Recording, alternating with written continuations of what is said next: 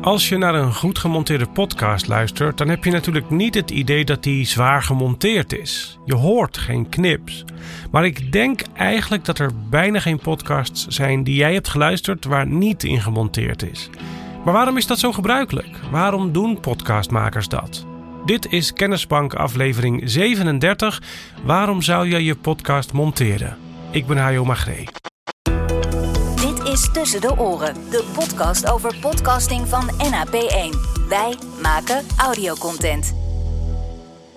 De belangrijkste reden om een podcast te monteren heeft met de waarde van tijd te maken. Ik las ooit ergens dat podcastluisteraars jou het meest waardevolle geven dat ze bezitten, namelijk hun tijd. En het is aan jou als podcastmaker om te zorgen dat je zoveel mogelijk waarde biedt in die tijd. En heel plat gezegd betekent dat geen geleuter.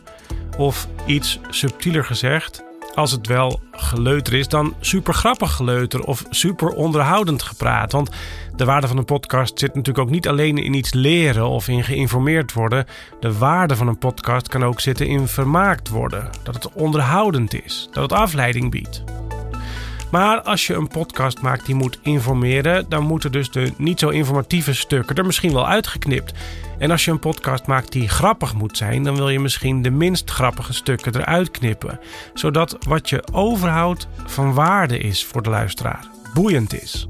Dat de luisteraar zich niet door allerlei niet zo nuttige minuten heen hoeft te worstelen. Dat is ook in de basis wat journalistiek is natuurlijk. Hè? Informatie verzamelen, de informatie herschikken en presenteren en keuzes maken in wat jij vindt dat het publiek moet weten. En nou wil het geval dat de meeste van onze podcastgasten niet van zichzelf 100% van de tijd super boeiend zijn. Of soms zijn ze wel heel boeiend, maar bewandelen ze een enorm zijspoor. Je ruwe opname is bijvoorbeeld drie kwartier geworden, terwijl je jezelf ten doel hebt gesteld een podcast van ongeveer een half uur te maken. En dan moeten die zijsporen er gewoon uit. Dus de belangrijkste reden om je podcast te monteren is inhoudelijk, het boeiend houden. Dus ook in een talkshow-podcast met gasten aan tafel die schijnbaar vrijuit met elkaar praten, daarin is toch meestal wel gemonteerd hoor. Al hoor je dat niet. Je hoort niet waar die knips zijn gezet. En je weet als luisteraar ook niet wat er verdwenen is. Maar wat je wel ervaart is dat dat allemaal zo leuk is, zo boeiend is. En dat komt eigenlijk omdat alle saaie stukken eruit zijn geknipt. En als je een podcast hebt die dus niet zo boeiend overkomt, dan had er misschien wel meer in gemonteerd moeten worden. Nou kunnen we in de montage sprekers die saai zijn niet boeiend maken, maar we kunnen boeiende sprekers dus wel extra boeiend maken. En een andere reden om te monteren heb ik net eigenlijk dus al genoemd, omdat je op een bepaalde lengte wil uitkomen en je soms te lang hebt opgenomen. Ook het toevoegen van muziek aan je podcast valt onder het hoofdstukje monteren of geluidseffecten soms als je die wil gebruiken. Behalve de niet boeiende stukken eruit knippen, kan een podcast soms ook een stuk vlotter worden als je alle versprekingen weghaalt. Of mensen die heel veel eus gebruiken een beetje helpen door hier en daar wat van die eurtjes weg te knippen. En dat kan meestal echt zonder dat je dat hoort. Ik heb wel eens feedback van een gast gehoord die zei: Oh, ik dacht dat ik altijd zo aarzelend sprak, maar ik ben eigenlijk best een vlotte spreker. En toen dacht ik: Ja, in die podcast wel, want toen ben ik er overheen geweest met mijn schaar. Maar op een live bijeenkomst zou je toch iets meer door de mand vallen.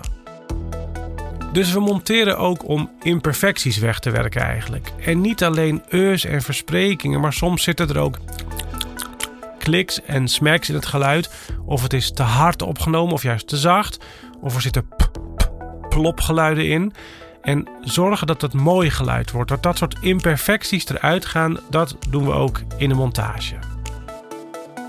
Bij NP1 werken we ook altijd in de montage aan de loudness, dus hoe hard het geluid is.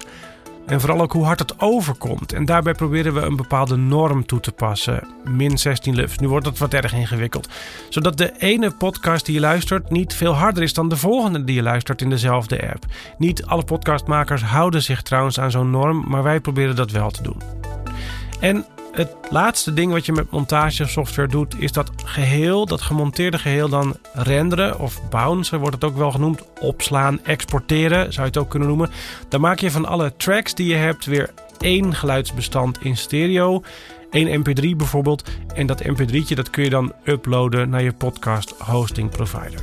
Dus boeiend maken, de juiste lengte maken, imperfecties wegwerken, muziek toevoegen, aan het volume werken en uitspugen als mp3. Dat zijn de redenen om je podcast te monteren. Dat was het. Je kunt de informatie uit deze aflevering ook terugvinden in de podcast Kennisbank op onze website. Dit was Tussen de Oren van NAP1. Wij maken audiocontent. NAP1.nl